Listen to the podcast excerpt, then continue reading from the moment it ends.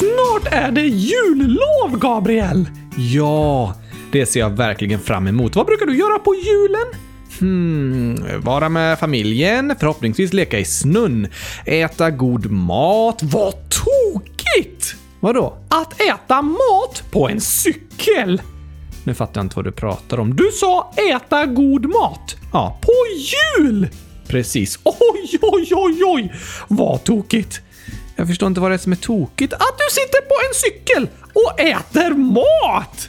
Men det gör jag ju inte. Du säger ju att du tycker om att äta mat på jul! Ah, du menar att jag sitter på jul och äter mat? Precis! Jag trodde du menade vad jag tycker om att göra på jullovet. Nej tack, jag menar vad du tycker om att göra på jul! Men alltså, jag tycker om att äta på jul också. När du cyklar? Det är inte så vanligt, även om jag har gjort det ibland också, men ganska ofta äter jag mat i bilen. Och det är ju också på jul. Just det! Men jag älskar verkligen julmat. Mat som har jul! Nej, Oskar, det låter så. Ja, men den serveras i alla fall på ett bord med jul. Va? Ja, ett julbord. Rullar det iväg när man äter? Nej, det har oftast inte några jul. Vad heter det julbord då? För att det är fyllt med julmat. Aha! Så om jag fyller kylskåpet med julmat, blir det ett rullande kylskåp då? Eh, ett julkylskåp! ja, jo, så kan du väl kalla det. Woho! Vilken fantastisk uppfinning! Kanske det smart tänkt, Oskar. Men du, du frågade vad jag ser fram emot med julen och det är även en fråga vi har skickat till lyssnarna. Vad de ser fram emot och vad de inte ser fram emot. Just det. Det kan vara skönt att få prata om. Många älskar julen, men det finns också många som tycker det är en jobbig tid. Vissa tycker både och. Precis. Och det är okej okay att känna både och, att gilla vissa delar och ogilla andra delar. Det går att vara både glad och ledsen samtidigt. Ja, det gör det faktiskt. Det går att känna flera känslor på samma gång. Och om ni vill berätta hur ni känner inför julen får ni gärna skriva det i frågelådan. Har vi fått några inlägg? Yes, det har vi. Den gröna gurkan, 9 år, skriver “Ni sa att man fick säga vad man tycker var bra med julen och det dåliga med julen. Det jag tycker är bra med julen är att det är mysigt, roligt, att man får träffa sina släktingar och sånt. Och det dåliga med julen är att ibland är det stress och sånt. PS. Älskar eran podd, men jag älskar julen. Det där är det nog många som känner igen sig i. Eller hur? Jag håller med dig den gröna gurkan. Det kan ofta vara en mysig, men lite stressig tid. Om det känns stressigt kan man ta fem djupa andetag och tänka det är i alla fall eh, mysigt. Ja, det är ett bra tips. Ibland är det skönt att stanna upp lite och ta några djupa andetag. Det kan hjälpa en att slappna av. Och nästa inlägg är från Anonym, ålder ingen bryr sig. Jo tack, vi bryr oss! Det gör vi. Och så här står det. Jag hatar julen. För förra julen så bråkade mamma och pappa, så mamma låste in sig och grät. Jag vet inte vad jag ska göra. Jag orkar inte. Åh! Jag förstår att det känns jobbigt med julen då, Anonym. Ja, verkligen. Föräldrar och familjemedlemmar som bråkar tycker många är det värsta med julen. Och eftersom det hände förra året så förstår vi att du inte ser fram emot julen i år, Anonym. Det kan kännas tråkigt att inte kunna se fram emot julen när man egentligen vill att det ska vara en glad högtid. Ja, det där är en vanlig känsla, Oskar. Att man blir extra ledsen när det händer jobbiga saker runt jul, för att man så gärna vill vara glad då. Just det! Tack för att du hörde av dig och berättade om hur du känner anonym. Det är superviktigt! Ja, det är det. Och det är okej okay att känna som du gör, jag förstår det. Det är lätt att vara orolig för att samma sak ska hända igen. Verkligen. Men även om det var jobbigt förra julen måste det inte betyda att det händer samma jobbiga saker i år. Det har du rätt i! Vi hoppas verkligen att du ska få en så glad jul som möjligt. Ja, tack! Och något vi vill säga till dig Anonym och till er andra lyssnare som är i samma situation är att om dina föräldrar börjar bråka på jul så är det inte ditt fel. Säkert? Ja, det är helt säkert. Tyvärr kan föräldrar bråka ibland och som barn vill man såklart inte det och då är det lätt att känna sig skyldig. Men men även om det skulle kännas som att det är ditt fel så är det inte ditt fel. Det kan vara skönt att veta. det kan det vara. Tack för att du skrev till oss anonym. Om du har någon annan släkting eller person du tycker om som du vill prata med om hur du känner med julen, så berätta gärna för den personen också.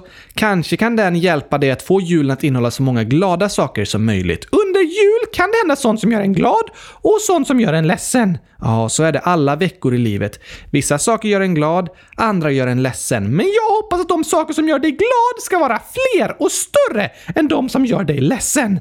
Det hoppas vi. Vi önskar dig en god jul Anonym. Hör gärna av dig igen. Ja tack! Och vad glada vi blir av att du lyssnar på historiekalendern. Vi hoppas att du kommer tycka om dagens avsnitt. Ska vi berätta om dagens historiska person nu? Yes. Här kommer introjingeln.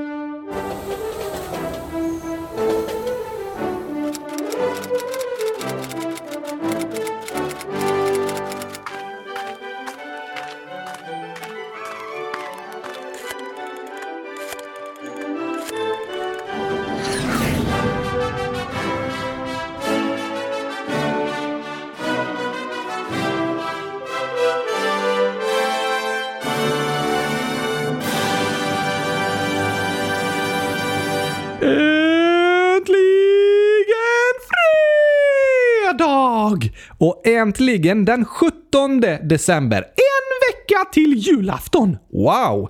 Vet du Oskar? Gurkaglassen 100 009 år skriver “Jag tycker jättemycket om introjingen för historiekalendern. Vad roligt att höra! Ja, verkligen. Det gjorde oss superglada. Jag tycker också den är superspännande och bra. Jag håller med. Den ger en eh, historisk känsla. Precis! Men vem ska vi prata om idag? Idag ska vi prata om en historisk person, men också lite om en historisk uppfinning. Va? Ja, Namn 1 gånger 10 upphöjt till 37, ålder 1 gånger 10 upphöjt till 46 skriver så här.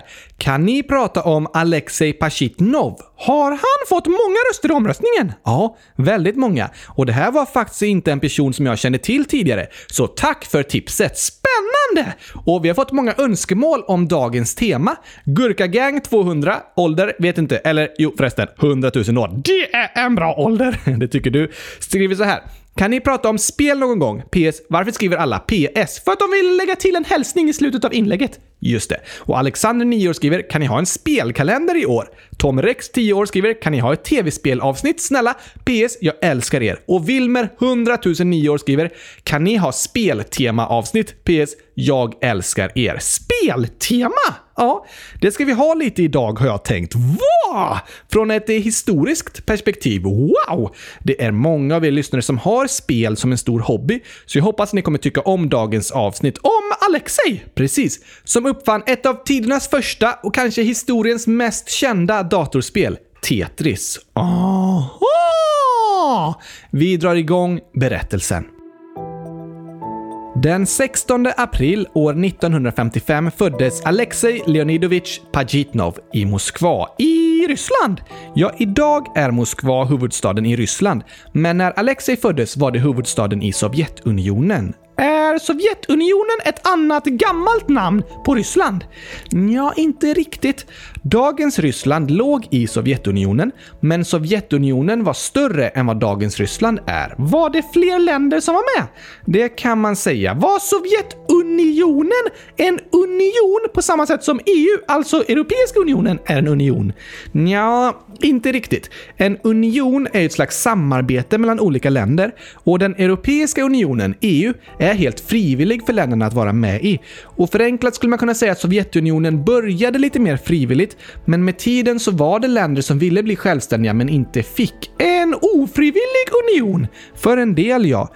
Det behövs många, långa avsnitt för att vi ska kunna förklara hela Sovjetunionens historia, men kortfattat kan man säga att ryska revolutionen och bildandet av Sovjetunionen påverkade hela Europa och världen väldigt mycket under 1900-talet. Antagligen kommer ni läsa mycket om det i skolan med tiden. Och man kan säga att det började hoppfullt med en tro på demokrati och fler rättigheter även för de som inte var rika, men slutade i en hemsk diktatur med maktmissbruk, förtryck och våld. Oj då! Och Alexej föddes och växte upp i Sovjetunionen. Han tyckte mycket om matte och att lösa pussel och började även studera matematik när han blev äldre. Det var på 70-talet när datorer höll på att utvecklas. Hur såg datorerna ut då? På 70-talet kom versioner som började kallas mikrodatorer. Var de supersmå? Nej då, men tillräckligt små för att kunna ställas på ett skrivbord. Eh, va? Ja, de tidigare stordatorerna kunde fylla ett helt rum. Ett helt rum fyllt med en dator! Ja, visst är det otroligt. Så en dator som var tillräckligt liten för att stå på ett skrivbord kallades mikrodator. Om någon hade kommit med en av dagens mobiltelefoner då hade Alexei och de andra nog inte trott sina ögon. Nej, Verkligen inte. Men Alexei var väldigt intresserad av datorer och började jobba på ett datorcenter på den ryska vetenskapsakademin. På datorer lika stora som ett rum? Ja, det fanns vissa som fortfarande var det, men datorerna blev mindre och mindre och allt vanligare.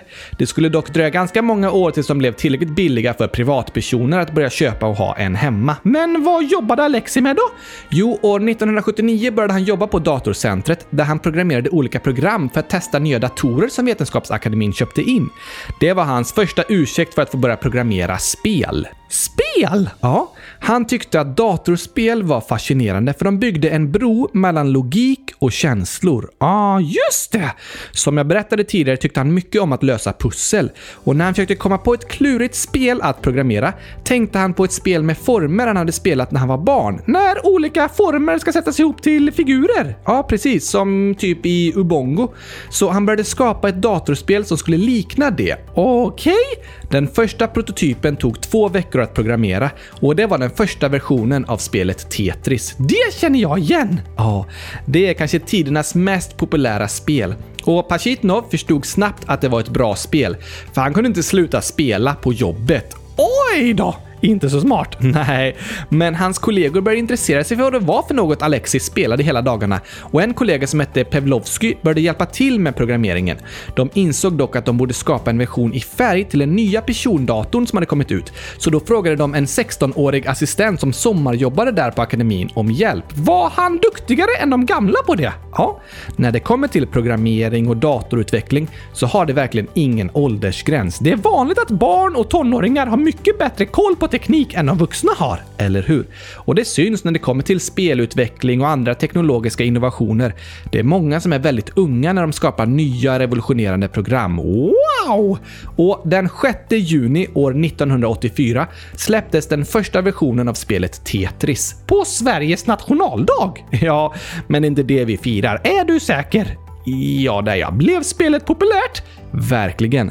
Som jag sa så hade Alexi fastnat så mycket för det att han inte kunde sluta spela på jobbet och snart började alla hans kollegor också spela Tetris och det spreds vidare till alla på Vetenskapsakademin som hade tillgång till en dator och så småningom vidare till alla olika institut i hela Moskva. Det var nog inte så populärt bland cheferna då. Nej, verkligen inte. Alexi hade en kompis som var chef på Medicinska institutet som bad om spelet för att testa, men han upptäckte snart att alla som jobbade på hans enhet slutade jobba och började spela Tetris istället. Så han var tvungen att förbjuda det spelet. Oj då! De hade aldrig sett något liknande och fastnade helt för det nya spelet. Hur går Tetris till? Det är olika klossar som ska sättas ihop och fylla ut rader. Och när en rad är fylld så tas den raden bort så att det blir mer plats. Precis. Och om man inte lyckas fylla ut raderna så att de tas bort, då får till slut inte klossarna plats och så förlorar man spelet. Enkelt men genialiskt! Eller hur? Och Tetris skulle komma att bli världskänt och superpopulärt. Efter två år spreds det utanför Sovjetunionen och 1989 lanserades det av det japanska företaget Nintendo tillsammans med den första Gameboyen. Vad är det? En liten tv-spelsmaskin liksom, som man har i handen. Aha! Brukade du spela Tetris på Gameboy när du var barn? Ja, det var mitt favoritspel. Och det har varit miljontals människors favoritspel. Det är ett simpelt spel med enkla regler, men som kräver intelligens och övar upp förmågan att lösa pussel. Det har funnits på massor av olika plattformar, flest av alla tv-spel enligt Guinness rekordbok, och sålts i hundratals miljoner kopior. Är det ett tv-spel eller ett datorspel? Alltså, det är ju allt. Det kan ju spelas via tv, dator, mobil, Gameboy eller alla olika plattformar ah, just det! Så eh, alltså, vi säger lite både och här. Datorspel eller tv-spel. Men det är ju inget brädspel i alla fall. Det är ett som är säkert. Fast det finns ju Tetris-versioner av det också nu för tiden. Oj! Otroligt. Har du fun facts om Tetris? Det har jag. Ordet Tetris är en mix av två ord. Tetra, som betyder fyra på latin. Varför fyra? För att figurerna i Tetris var skapade av fyra klossar. Aha! Och det andra ordet är tennis, för att det var Alexis favoritsport. Tetra plus tennis blir Tetris. Precis. Musiken i Tetris, som ni hör nu i bakgrunden, är väldigt känd. Miljontals människor har hört den i timmar i bakgrunden när de har spelat spelet. Vad är det för sång? Det är faktiskt en sång baserad på en rysk folkvisa från 1800-talet. En kärlekssång som heter Korobeiniki. Oj då! Undrar om den som skrev den kärleksvisan hade kunnat föreställa sig att den musiken skulle bli världskänd som bakgrundsmusik till ett Gameboy-spel med klossar. Nej, det är jag övertygad om att kompositören aldrig hade kunnat föreställa sig. Vad tokigt om den kompositören skulle komma och så höra sin låt på en Gameboy. Det hade varit förvånande. Tetris var även det första spelet som spelades i rymden. Det var när en rysk kosmonaut tog med sig en Gameboy i rymdraketen. Va? Det hade jag nog också gjort om jag åkte ut i rymden. Det kan bli långtråkigt att sitta i ett halvår på en rymdstation. Sant! Och på grund av sin popularitet har det gjorts mycket forskning och undersökningar runt spelet Tetris. Och forskarna har kommit fram till något som kallas Tetris-effekten. Vad är det? Jo, när personer som spelar Tetris har gjort sig flera timmar om dagen så har de börjat se bilder av Tetris när de blundar och till och med börjat drömma om att de lägger klossar rätt. Oj då! Så Tetris-effekten, eller Tetris-syndromet, är när en person lägger så mycket tid och fokus på en aktivitet att det formar deras tankar, mentala bilder och drömmar. Jag har eh, drabbats av Tetris-effekten med kylskåp. Okej, okay. jag ser dem överallt i mina drömmar när jag blundar. Du kan ju inte blunda. Nej, sant. Men jag hade sett dem om jag hade kunnat blunda. Just det. Alltså, det är spännande att tänka att det fanns en tid före datorer och datorspel. Eller hur? Eller när det fanns en dator som var lika stor som ett rum. Det är otroligt. Och jag kan förstå att det var revolutionerande när spelet Tetris släpptes. För det var något helt nytt. Ingen hade någonsin sett något liknande tidigare. Det var ett av historiens första datorspel och det kom att bli det allra populäraste.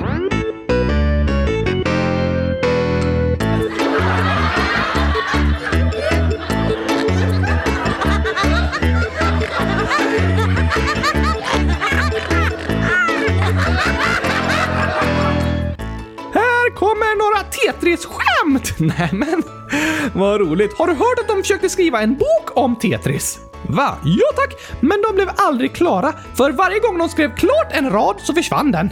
Nej. Det var ett bra skämt, Oskar. Eller hur? Men alltså, min kompis kan inte spela Tetris, för hon blev blockad. Ah, det är ju med block. Precis! Och vad sa Gameboyen när Nintendo byggde en ny spelkonsol? Eh, vad sa Gameboyen? Ingen aning. Wii! Nintendo Wii. Tokigt med spelskämt! Verkligen. Men här är skämt från en lyssnare också. Okej, okay. Ponny-Sigrid, 8 år, skriver en gåta. Vilket kex är bra att ha med sig på en promenad? Är du säker på att det är kex och inte kex? Jag är säker på kex. Okej, okay, jag säger kex. Nej, men jo tack! Vi kan säga olika fast vi har samma röst. Ja, okej. Okay. Så vilket kex är bra att ha på en promenad? Ja, hmm, ballerina? För de går som en ballerina. det var ett bra förslag faktiskt, men tyvärr fel. Okej, okay, Mariekex?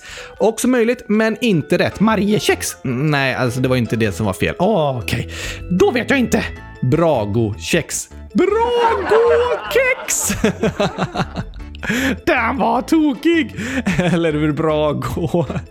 Ponny-Sigrid skriver PS. Jag kom på gåtan själv. Wow! Bra gåta!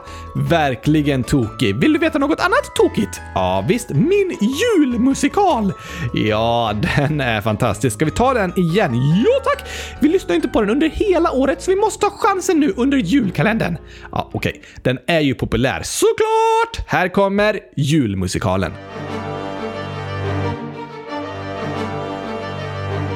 Det börjar med en liten familj som åker i sin bil natten före julafton.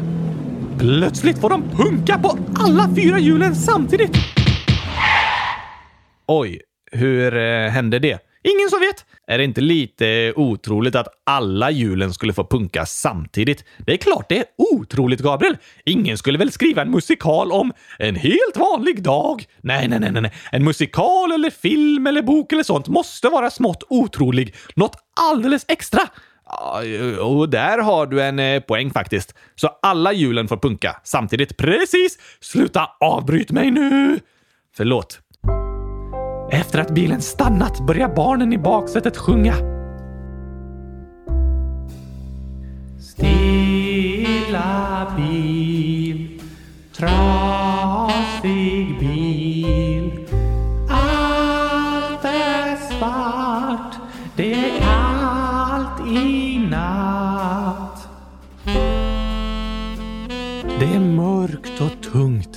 men en bärgningsbil kommer och kör dem till verkstaden. När de är där tar bilmekanikerna loss alla hjulen, ringer till lagret och sjunger i telefonen. Med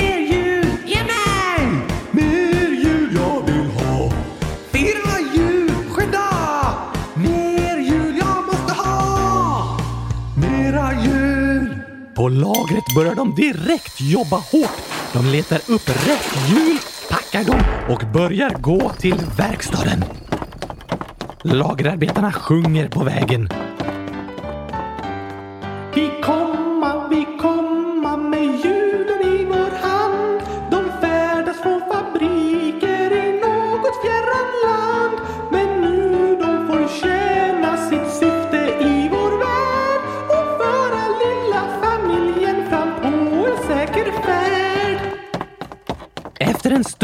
Stunds promenerande kommer lagerarbetarna fram till verkstaden och föräldrarna brister ut i glädjesång när de får se de fyra hjulen.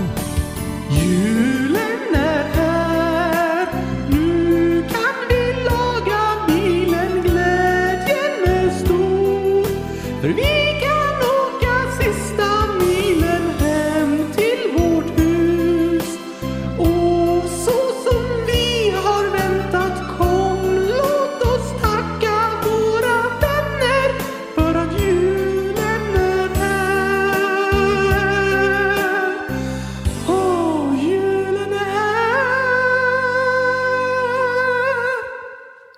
Glädjen är ofattbar när mekanikerna får hjulen från lagerarbetarna och börjar fixa bilen. Samtidigt sjunger barnen. En punkalagare här bor i staden. Han lagar bilar mest hela dagen. Han lagar stora, han lagar små. Han lagar några med helljus på. Äntligen är mekanikern klar och bilen kan rulla igen. Ut från verkstaden åker den lilla familjen med stora leenden som täcker hela ansiktena och sjunger glatt med varandra i bilen. Nu har vi jul igen och nu har vi jul igen och julen varar en till påska. Och nu har vi jul igen, ja nu har vi jul igen och julen varar en till påska. För det är vinterdäck och snön kommer vara väck långt innan dess, det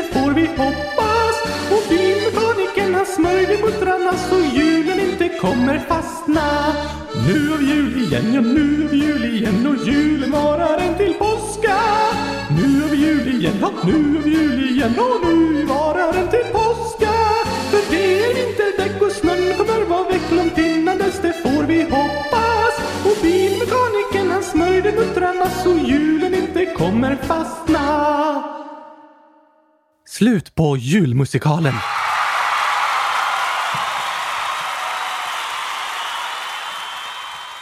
Det var ett lite annorlunda historieavsnitt idag, Gabriel. Ja, både om en historisk person och ett historiskt spel. Spännande!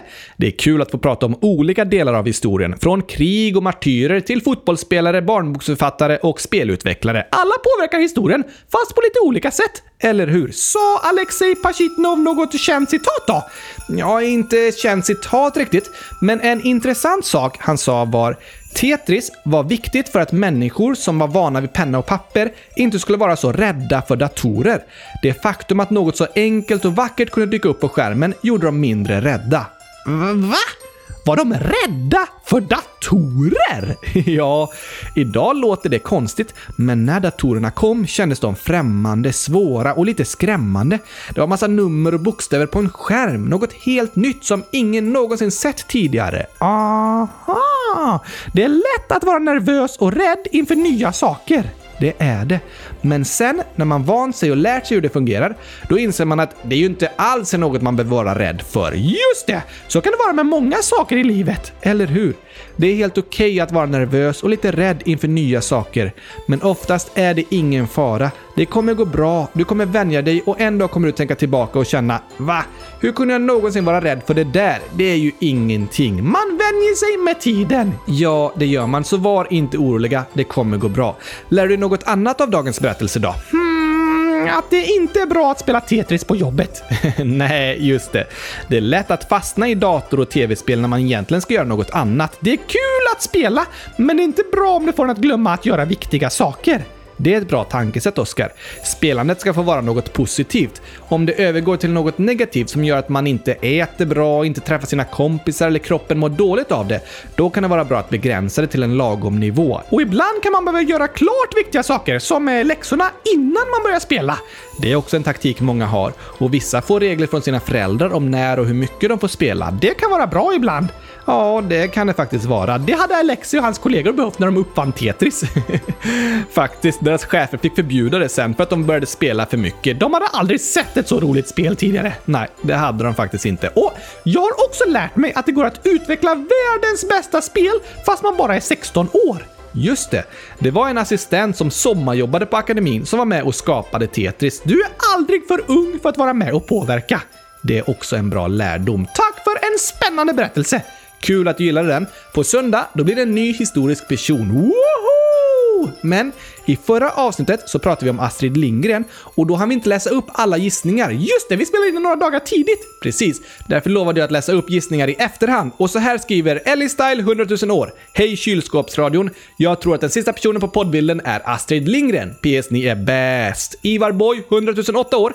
Den sista personen på avsnittsbilden är Astrid Lindgren. Och Alva 9 år. Jag är säker på att ni ska prata om Astrid Lindgren. Hon var min stora idol. PS, i hashtag back to skolan gissar jag på 522. Så nära! Verkligen nära! Och Anonym Anonym Ålder skriver “Jag tror ni ska prata om Astrid Lindgren. Bra gissat! Verkligen bra gissat allihopa. Hoppas ni tyckte om det avsnittet. Sen har vi två hälsningar innan vi avslutar Oskar. Så här skriver Hallå 10 år. Jag fyller år den 16 december. Då blir jag 11. Jag bor i Nederländerna. Kanske jag skriver fel, men då vet ni varför. Mina kusiner är i Sverige, därför kan jag svenska. Jag älskar eran podd. Wow! En lyssnare ifrån Nederländerna! Vad roligt att du hör av dig och vad roligt att du tycker om podden. Och gratis på födelsedagen! 100 000 Tusen grattis till dig! Hoppas du hade världens bästa 11-årsdag igår. Det hoppas vi verkligen med massor av gurkaglass. Kanske det. Och sen skriver Lo 10 snart 11. Vet ni vad det är som går och går men aldrig kommer fram till dörren? Eh, ett julbord. Varför det? För att människor går och går runt det. Ja, fast det är ju inte bordet som går. Det kallas för ett gående bord. Jo, det har du rätt i. Bra gissning. Men du får gärna skriva rätt svar, Lo, som skriver PS. Kan ni gratta mig den 16 december? Såklart kan vi! Gratis, gratis, gratis, gratis, gratis, gratis, gratis, gratis, 100 000 grattis på födelsedagen, Lo! Hoppas du också hade en super toppen bra dag igår och att du fick 100 000 kylskåp i present. Mm, ja, det skulle vara som att spela Tetris, att försöka få in alla de kylskåpen hemma. Faktiskt, det hade inte gått. Jag hade klarat det, för jag är superbra på Tetris efter allt mitt packande av gurkaglasspaket. Okej, okay. det kan jag tänka mig. Men nu är det slut för idag, Oskar. Vi hörs igen på söndag! Det gör vi. Tack och hej, gurka-Tetris-pastej! Hej då!